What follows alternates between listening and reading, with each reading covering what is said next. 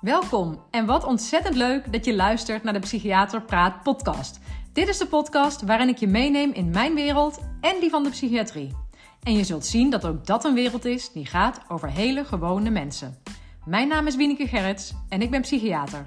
Ik ga ervaringen en verhalen vertellen uit mijn persoonlijke leven en uit het leven van mijn patiënten. Laat je raken, inspireren, motiveren of gewoon een hart onder de riem steken. Mijn missie is om zoveel mogelijk mensen in beweging te zetten om voor zichzelf te zorgen. Door met elkaar te delen en hulp te vragen als dat nodig is. Niet alleen bij professionals, ook bij elkaar. Zo maken we samen het leven wat draaglijker en onszelf of de ander soms gewoonweg een stukje gelukkiger. Heel veel luisterplezier. Hoi, hoi, hoi allemaal. Ben ik weer met de Psychiaterpraat podcast en weer een nieuwe aflevering. Um, ik ga vandaag wat vertellen over mijn eigen ervaringen in therapie. En um, nu is het niet zo dat ik als patiënt met een psychische stoornis in therapie ben geweest, maar er zijn eigenlijk heel veel momenten of periodes geweest um, in mijn leven. En uh, zeker in de tijd uh, van en tijdens en na mijn opleiding tot psychiater, dat ik zelf ook ja, therapie heb moeten ondergaan of ben aangegaan. En ik uh, dacht, ik vind het eigenlijk wel leuk om daar uh, met jullie een keer over te delen. Um, en het is dus niet zo dat ik zelf denk dat dat vergelijkbaar is met het zijn van een patiënt in de geestelijke gezondheidszorg. Ik weet niet hoe het is om een psychische stoornis te hebben. Tenminste, in die zin dat ik er een heleboel kennis over heb. Maar ik heb het niet zelf ervaren. Dus uiteraard is er gewoon echt een verschil tussen de patiënten in de GGZ en mijzelf. Um, maar het leek me wel ja, leuk en uh, interessant om eens wat te vertellen over wat mijn ervaringen waren. Want ik denk wel eigenlijk dat er uh, op zich toch ook daar wel uh, gelijkenissen in kunnen zijn. Um, en nou ja, laat ik eens ook even om mijn eigen gedachten op een rijtje te krijgen. Eens beginnen mij bij van um, wat heb ik nou eigenlijk allemaal aan ja, therapie of ja, coaching gehad in mijn leven, dan moet ik denk ik zeggen dat het begint bij mijn opleiding tot psychiater. een uh, uh, ja, verplicht opleidingsonderdeel is um, het volgen van therapie zelf. En dat heet dan leertherapie, omdat het bedoeld is om te leren. Um, wij als psychiaters ja, zijn eigenlijk zelf onze behandeltool. Dus we moeten onszelf heel goed leren kennen. We moeten ja, erachter komen, uh, zeg maar, hè, ons bewust worden van welke dingen ons triggeren. Um, ja, hoe we met onze eigen emoties omgaan, onze eigen gedachten, hoe onze eigen geschiedenis een rol speelt in wie we nu zijn, et cetera. Dus in onze opleiding um, is het verplicht om tenminste 40 sessies uh, van een uur uh, therapie te volgen bij iemand die daartoe bevoegd is. En um, in mijn geval was dat een psychiater, een vrouwelijke psychiater. Maar um, dat is niet het enige wat ik heb gedaan. Ik heb ook eens een vierdaagse, ja, een vier vierdaagse therapie, daagse, vierdaagse gehad.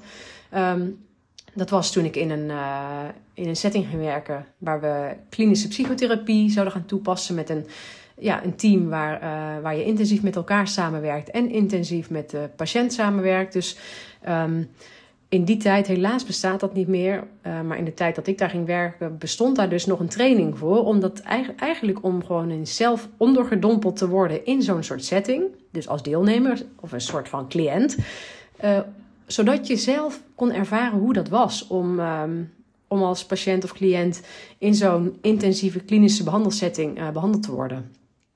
dus dat heb ik gedaan. Ik heb daarna ook nog behoorlijk veel nascholing gevolgd. Toen was ik al psychiater, maar ik heb behoorlijk veel cursussen en trainingen gevolgd. Uh, vaak bestaande uit een aantal dagen.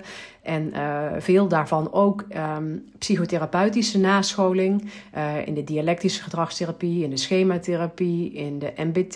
Nou ja, allerlei richtingen psychotherapie.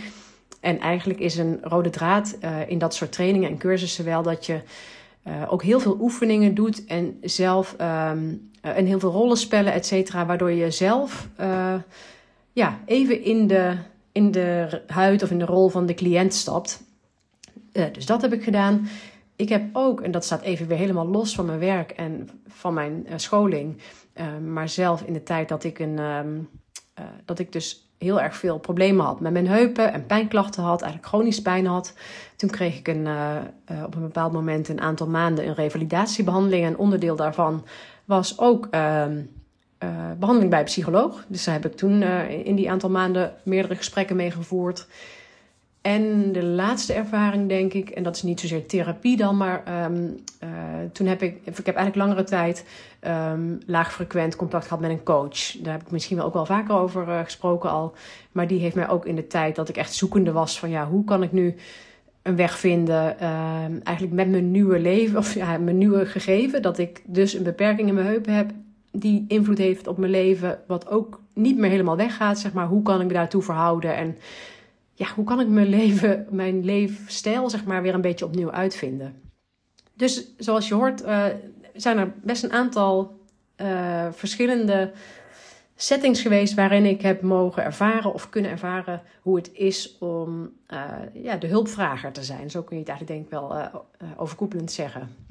En um, nou ja, er zijn eigenlijk ook een. Ik heb daarin een aantal dingen geleerd die ik echt heel waardevol vind. Want die zou ik gewoon niet geweten hebben als ik het niet zelf ondergaan had. En dat, dat zijn dus dat zijn meer oppervlakkige of praktische dingen, maar die eigenlijk wel best wel veel invloed hebben, of impact hebben, moet ik eigenlijk zeggen. Om um, eens te beginnen bij die, uh, bij die leertherapie die ik onderging. Dat was dus bij een uh, vrouwelijke psychiater.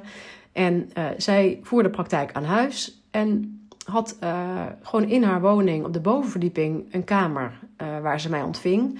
En dat betekende dat ik gewoon via haar voordeur en via haar hal en de trap zo naar boven moest, over de overloop en dan naar haar kamer ging. Dus dat was eigenlijk ook al een bijzondere ervaring, want ik had, ja, het voelde ook echt van, hé, hey, ik kom best wel dicht binnen in jouw huiselijke sfeer. Uh, maar er zat bijvoorbeeld ook geen wachtkamer in haar huis. Dus um, ik ging daar vaak heen vanuit mijn werk en dan moest ik zo'n 40 kilometer rijden met de auto. Dus ik nam natuurlijk altijd wat tijd, marge uh, voor het geval dat ik uh, vertraging zou oplopen onderweg. Dus ik kwam vaak gewoon een stuk te vroeg aan bij die afspraak. En ja, ik weet gewoon nog dat ik dat eigenlijk heel ongemakkelijk vond. Dat ik dan dacht, ja, moet ik nou in mijn auto blijven zitten? Of, of zou ik nou al binnen mogen wachten terwijl het nog geen tijd is? Of um, ja, ik, ik wist dat dus eigenlijk niet. Maar ja, dat was mijn allereerste ervaring eigenlijk met therapie. En ik, ja, als ik eraan terugdenk, vind ik het nu eigenlijk gek. Maar zo was het toen ik durfde dat eigenlijk niet te vragen. Ik, durfde daar eigenlijk niet over te beginnen. Het was ook wel, het was een vrouw, een psychiater met een psychoanalytische achtergrond. En um, misschien zegt dat je helemaal niets, maar dat is een beetje een, uh, dat is een therapiestijl waarin de therapeut, de psychiater in dit geval, over het algemeen niet zo snel het woord neemt. Dus die laat eigenlijk heel erg, ja, zij liet heel erg mij komen met, uh, met waar ik het over wilde hebben en met of ik problemen had ergens mee. En zij zou niet zo snel uh, iets gaan zeggen of doen om mij gerust te stellen of zo. Dus uh, dat maakt misschien ook nog wel uit. Ik, ik, had, ik durfde niet zoveel bij haar, zeker in het begin. Maar eigenlijk vond ik het gewoon best wel stom. Want ik, ja, dat was mijn oordeel daarover toen. Ik dacht echt van ja, hallo, je kan toch wel even mij een soort van instructie geven wat ik moet doen als ik aankom of zo. Hè? En ik had het eigenlijk verwacht of zo. Ik, of, of, ik vond dat erbij horen. Ik denk, ja, jij biedt hier die therapie aan. Dit is jouw huis. Jij moet mij even de regels uitleggen. Nou, zo werkt het bij haar dus niet. En jammer achteraf, of ja, ik weet eigenlijk niet of dat jammer is. Misschien heb ik hier juist dus heel veel van geleerd. Want ik denk, ja, dat had ik natuurlijk eigenlijk gewoon zelf moeten bespreken en zelf mogen aankaarten.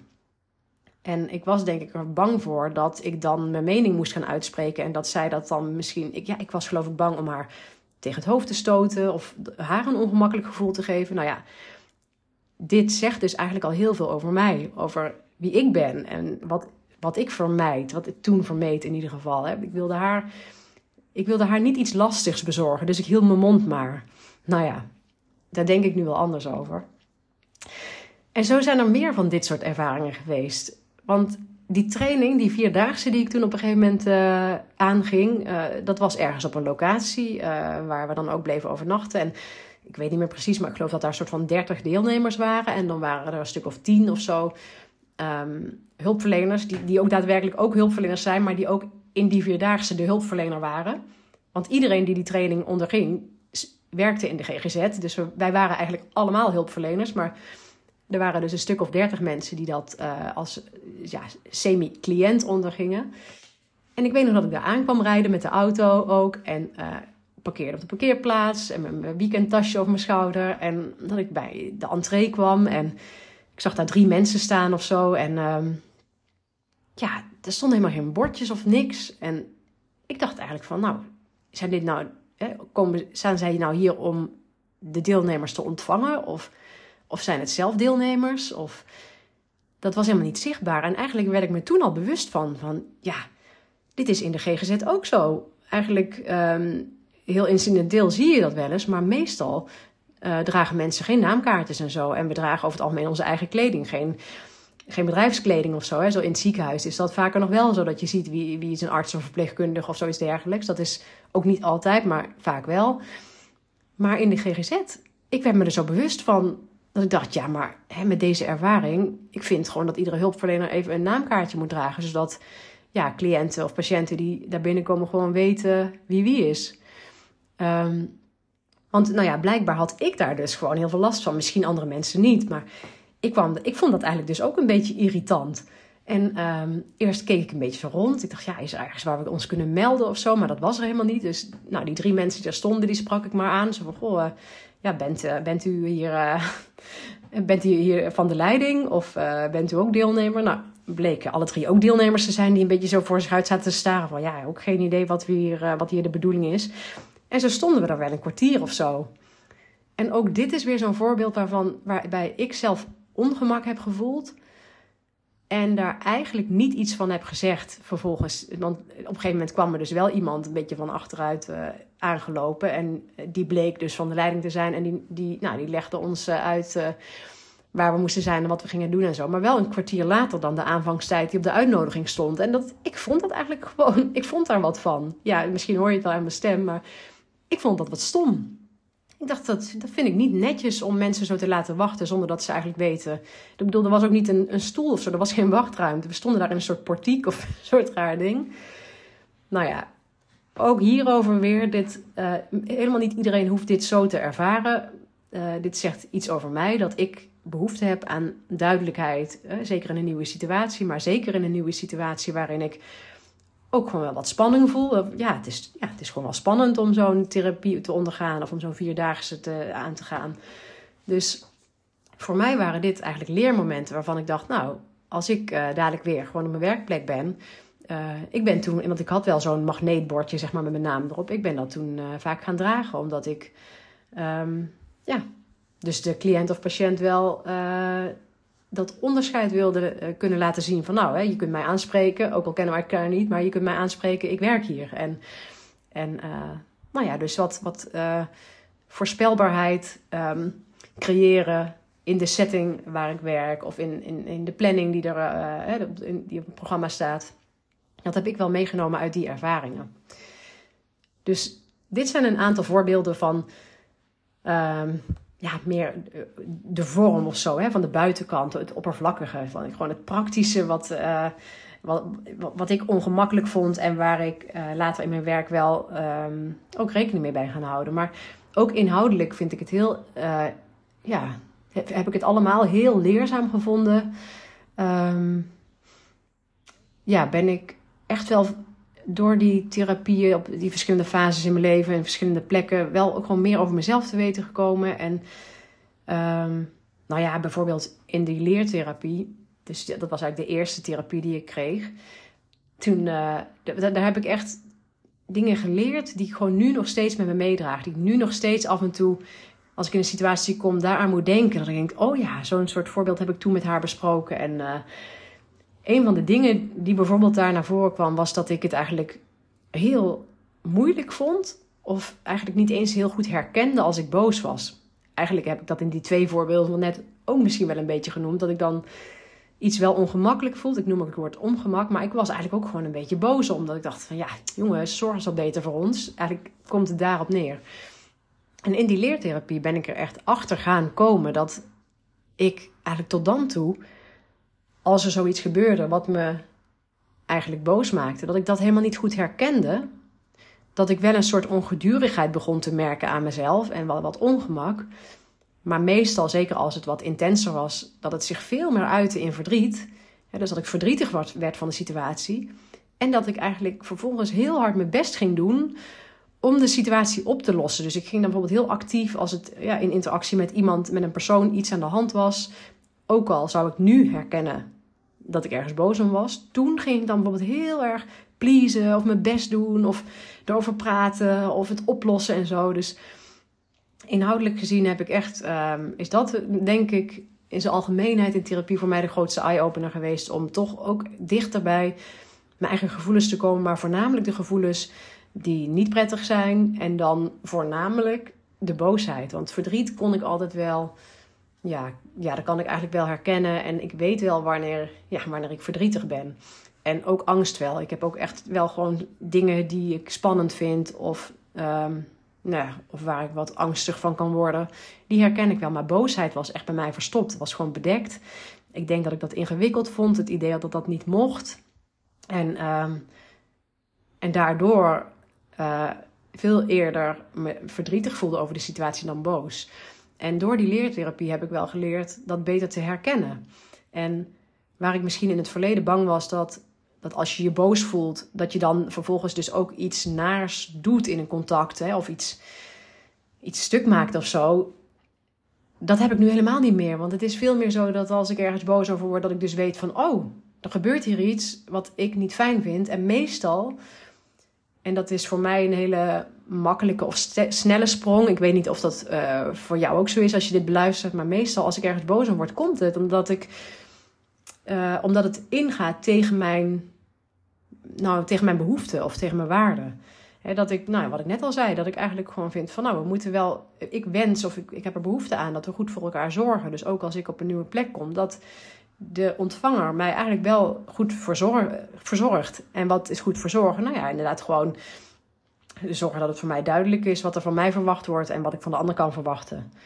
En um, ja, dus meestal gaat mijn boosheid over wanneer ik het gevoel heb dat er geen rekening met mij gehouden wordt, of dat er niet naar mij geluisterd wordt, of dat er niet goed uh, uh, ja, naar mij gekeken wordt of zo, hè, of dat ik niet meetel of zoiets dergelijks. Nu herken ik dat veel beter en dat is super fijn. Ik vind het nu eigenlijk helemaal niet meer erg om boos te zijn. Nee, eigenlijk echt helemaal niet meer.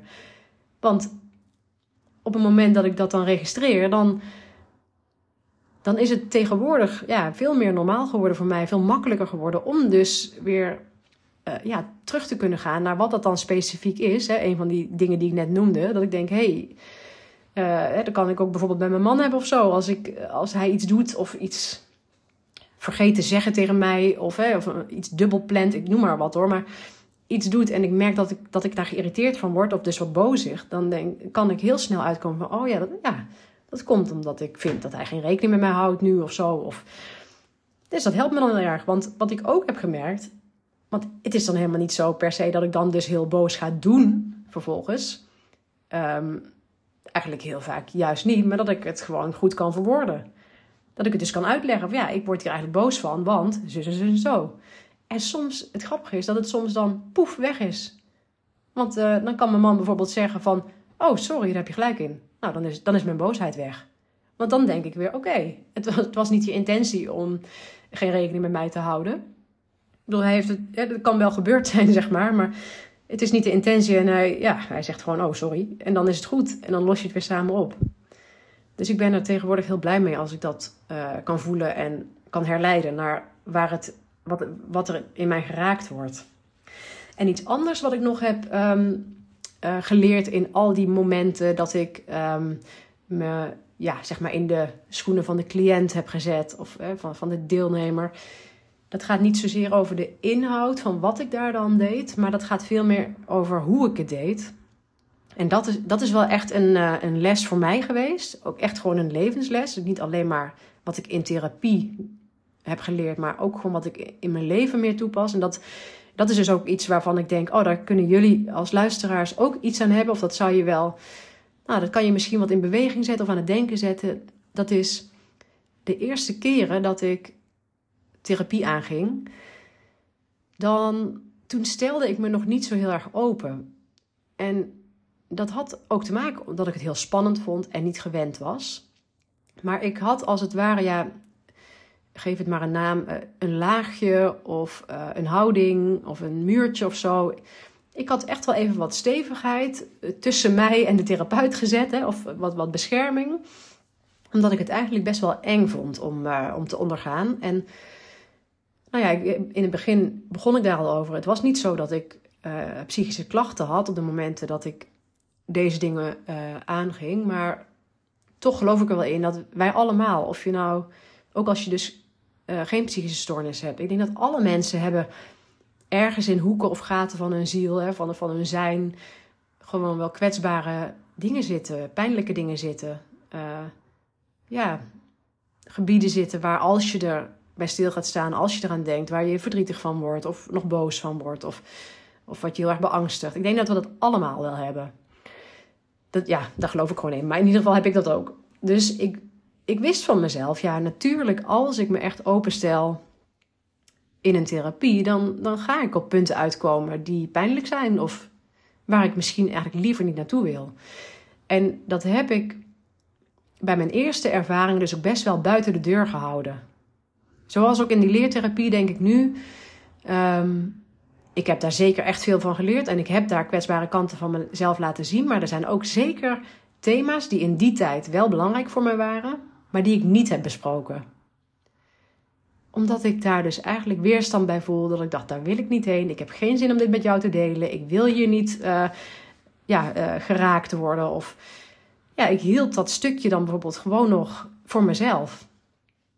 En dat is niet, het is niet mijn boodschap dat dat per definitie erg is. Maar ik heb wel gaandeweg, door dit wel heel vaak te kunnen oefenen, wel gemerkt dat ik er veel meer voordeel bij heb op momenten dat ik dat wel deed.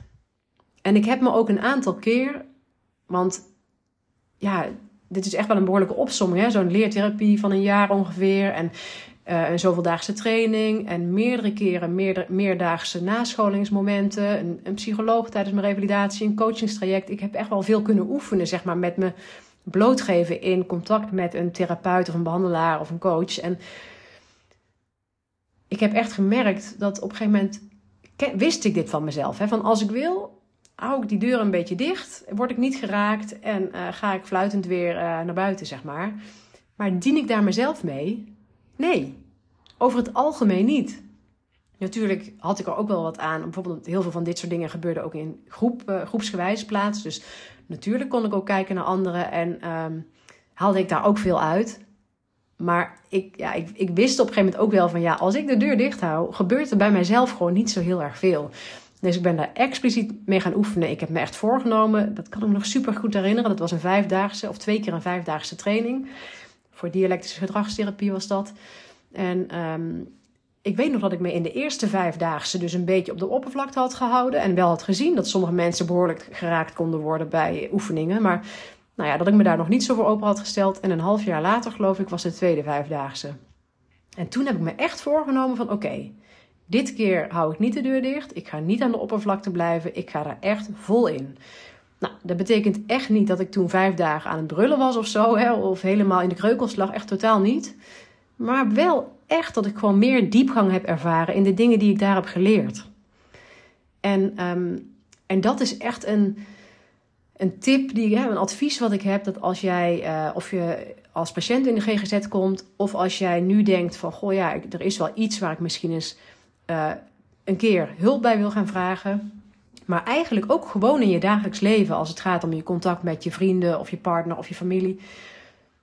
Ja, probeer het eens uit. Neem je van tevoren zelf voor. Je moet jezelf er natuurlijk ook een beetje voor kennen. Maar kijk jezelf eens in de spiegel aan. Wat is jouw manier? Wat zijn jouw maniertjes om, om jezelf niet kwetsbaar te hoeven voelen?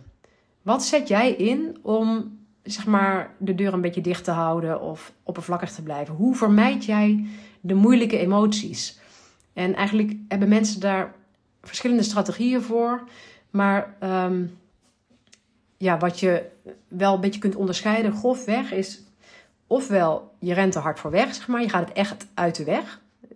Ja, letterlijk of figuurlijk. Dus um, je praat er niet over. Of je gaat sociale contacten uit de weg. Of op het moment dat je verdrietig voelt, uh, ga je iets anders doen, zodat je ervan weggaat, zeg maar. Dus meer de vermijdende manier om niet kwetsbaar te hoeven zijn. Een andere is, daar kun je je mogelijk ook in herkennen, is dat je het juist als het ware gaat overschreeuwen. Dus juist als jij je bijvoorbeeld heel gespannen voelt in een situatie of, of ja, je voelt van oeh, de, de, de kwetsbaarheid zit dichtbij, dat je juist super aanwezig gaat doen of vrolijk of grappen en grollen maken of zo. Of ja, echt uh, je, het een beetje overschreeuwt of overschaduwt, zeg maar. Um, of je maakt je helemaal onopvallend. Dus dat je gewoon de, de aandacht niet naar je toe trekt. Dat je een beetje gedwee meegaat in wat er allemaal gebeurt, maar dat je juist niet opvalt, dus niet overschreeuwt. Je bent ook niet de wegrenner, dus dat, dat ook niet, maar dat je gewoon eigenlijk ja, een grijze muis probeert te zijn. Zo van, oeh, als ik maar niet de aandacht trek, want dan begint tenminste niemand ook tegen mij te praten of vragen te stellen. Ik denk eigenlijk dat iedereen, dus jij als je nu luistert, misschien wel kunt herkennen in een van drie, die drie strategieën. En het kan ook zijn dat je ze alle drie af en toe gebruikt, maar er zal vast één bij zitten ja, die toch jouw voorkeursmanier is. Probeer dat maar eens naar, bij, bij jezelf na te gaan. En als je dat dan herkent, ja, ga eens kijken of, of, of er binnenkort een situatie is, hè, of dat nou inderdaad in therapie is, uh, of in coaching, of gewoon in een sociale setting Neem je eens een moment voor. Kies gewoon komende week. Ja, denk even na over de komende één week. Wat staat er allemaal op je programma? In welke situatie zou jij kunnen gaan oefenen om niet dat, dat laagje ertussen te zetten? En um, dat betekent niet dat ik nu denk, nou jongens, jullie, ik, adviseer, ik ga, allemaal zo ver dat er een moment komt dat je helemaal um, inderdaad kwetsbaar en verdrietig uh, ergens in een situatie komt, dat bedoel ik helemaal niet. Het is echt juist, je kunt het juist heel mild en in kleine stappen eens gaan oefenen.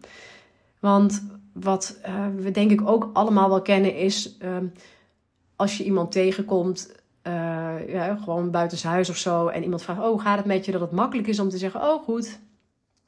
Maar dat zou zo'n moment kunnen zijn dat je denkt, oh nou ga ik eens even wat eerlijker als het ware, wat puurder reageren. En dat je, dan hoef je dus niet te zeggen van nou, het gaat echt uh, terrible, het is helemaal slecht. Dat, dat hoeft niet, ook al voel je je wel zo. Maar je kunt wel ermee oefenen om te zeggen van, oh ja, nou, nou ja, ik voel me niet super. Of ik zou het eigenlijk wel fijn vinden als het beter ging of zo. Nou, ik noem maar wat, hè. Maar kijk eens of je daar, um, of je daar wat mee kunt gaan oefenen. Want ik heb echt geleerd dat en dan is het wel natuurlijk in een soort van, uh, die, waar ik het over heb gehad, al die momenten dat ik hiermee heb geoefend, is ook heel vaak in een soort veilige setting geweest. In een setting waarvan ik weet van, oh, ik heb een therapeut tegenover me. Uh, het is de bedoeling dat ik nu oefen. Uh, dus um, dus de, de situatie leende zich er wel voor, maar ik heb daar echt veel meer waarde uit gehaald, omdat ik me zo heb opengesteld. En uh, nou ja, dit is dan ook wel een opmerking vooral naar mensen die inderdaad wel bij, uh, in, bij een professional uh, therapie volgen. Ik begrijp ook wel dat, je, dat dat niet zomaar van de een op de andere dag lukt. En het is ook helemaal niet eens mijn advies om meteen in het allereerste gesprek er vol in te gaan zonder dat je elkaar kent. Want natuurlijk heb je het nodig om wat vertrouwen te kunnen ervaren voor, voor de persoon die tegenover je zit. En om je daar veilig bij te kunnen gaan voelen. Dus natuurlijk mag je tijd en ruimte innemen om, om uh, wat op te bouwen met elkaar. En ik weet ook wel, en dat uh, vind ik eigenlijk ook super vervelend, maar ja, dat is natuurlijk ook, zeg maar, ja, zoals het is of heel menselijk. Maar ik weet ook helaas dat in de GGZ het ook niet altijd klikt tussen patiënt en therapeut. En of dat soms want dat heb ik zelf meegemaakt. Dat ik op een gegeven moment dus zelf een paar maanden uit de relatie ging. Omdat ik uh, een revalidatiebehandeling moest ondergaan. En dat ik mijn therapie moest afbreken die ik was aangegaan met cliënten. En, en dat is natuurlijk ook een super vervelende ervaring als die personen net inderdaad zo zich zijn gaan openstellen. En kwetsbaar zijn gaan opstellen en dat eindigt. Dus ik begrijp ook dat er nare situaties kunnen zijn. Maar grosso modo denk ik ja, mag je ervan uitgaan dat een therapeut kundig is. En nogmaals, het kan ook zijn dat je gewoon geen klik hebt. Dus dan, nou ja, als je die mogelijkheid hebt, ja, kijk dan of je een ander kunt vinden. Hè, of, of je bij iemand anders terecht kunt. Maar over het algemeen mag je jezelf wat tijd gunnen om te wennen aan iemand. Om je een beetje vertrouwd te kunnen gaan voelen. En voelen dat jij op een, ja, in een veilige setting bent waarin jij jezelf wat kwetsbaar kan opstellen. En dan, hè, dus als je dat ervaart. En dan mag je aan de ene kant dus jezelf wel iets voor pushen, zeg maar. Want het is gewoon zo dat je daar vaak een drempel voor over moet. Dat komt niet zomaar vanzelf vaak. Dus aan de ene kant mag je jezelf wat pushen. En aan de andere kant staat daar weer tegenover dat ik wel denk van ja, maar gun jezelf wel gewoon ook de tijd die je nodig hebt. Maar ga het dan eens doen. Ga echt. Neem jezelf serieus en ga het over die dingen hebben waar het voor jou echt over gaat. Want dan zul je vooral iets gaan hebben aan therapie. Het is niet makkelijk en ook al ben ik dus, heb ik in het begin ook gezegd, ook al ben ik niet de patiënt geweest, ik heb behoorlijk veel, moment, veel ervaringen als, als cliënt, als deelnemer, als coachie. En dus ik spreek echt uit ervaring als ik zeg maar ga het aan. Ga echt praat over de dingen, laat de dingen zien die voor jou echt belangrijk zijn. Waar echt je, nou ja, je kwetsbaarheden zitten, maar waar ook, denk, waar ook de meeste ruimte zit, zeg maar, voor heling of herstel. Daar doe je jezelf echt een plezier mee. Dus dat is wat ik hoop dat jullie meenemen uit, ehm, uit deze aflevering. Dat je, dat, je, ja, dat je er echt voor jezelf bent. Dat je er echt het meest voor jezelf bent als je jezelf ook laat zien en jezelf echt meeneemt in een therapie, in een coaching traject, in een behandeling van wat dan ook. Do it, go for it. Nou, dit was hem weer voor vandaag. Ik hoop dat jullie met plezier geluisterd hebben. Ik vond het weer leuk om dit allemaal uh, met jullie te delen. Alle feedback is welkom. Um, ik vind het ook hartstikke leuk als jullie aan mij laten weten hoe je de afleveringen vindt. Dus um, voel je niet geremd om een berichtje te sturen. Ik, uh, ik krijg zo nu en dan e-mails. Dat vind ik ongelooflijk leuk. Um, maar ook gewoon een berichtje via LinkedIn of uh, Instagram maak je me hartstikke blij mee. En als je dat nog niet gedaan hebt, vind ik het super fijn als je mijn podcast wil beoordelen uh, in de app waarin je luistert. Bij Spotify kun je op de ster klikken en een aantal sterren geven. En um, bij Apple Podcasts kun je even naar beneden scrollen en dan zie je ook een aantal sterren die je kunt geven. Als jij dat doet, weet ik gewoon beter of jullie mijn podcast waarderen, ja of nee, en in welke mate. Maar is het ook nog eens zo dat hoe meer waarderingen er zijn, um, hoe beter andere mensen mijn podcast ook kunnen vinden. En dat zou ik super leuk vinden, zeker um, als ik daar gewoon nog meer mensen uh, mee van dienst ben. Want dat is toch echt wat ik hoop, dat ik hier mensen mee raak of inspireer of ja, dat zou mij gewoon super gelukkig maken. Dus uh, daar kun je bij helpen als je wilt. Als je dat doet, super bedankt. En anders sowieso weer tot de volgende.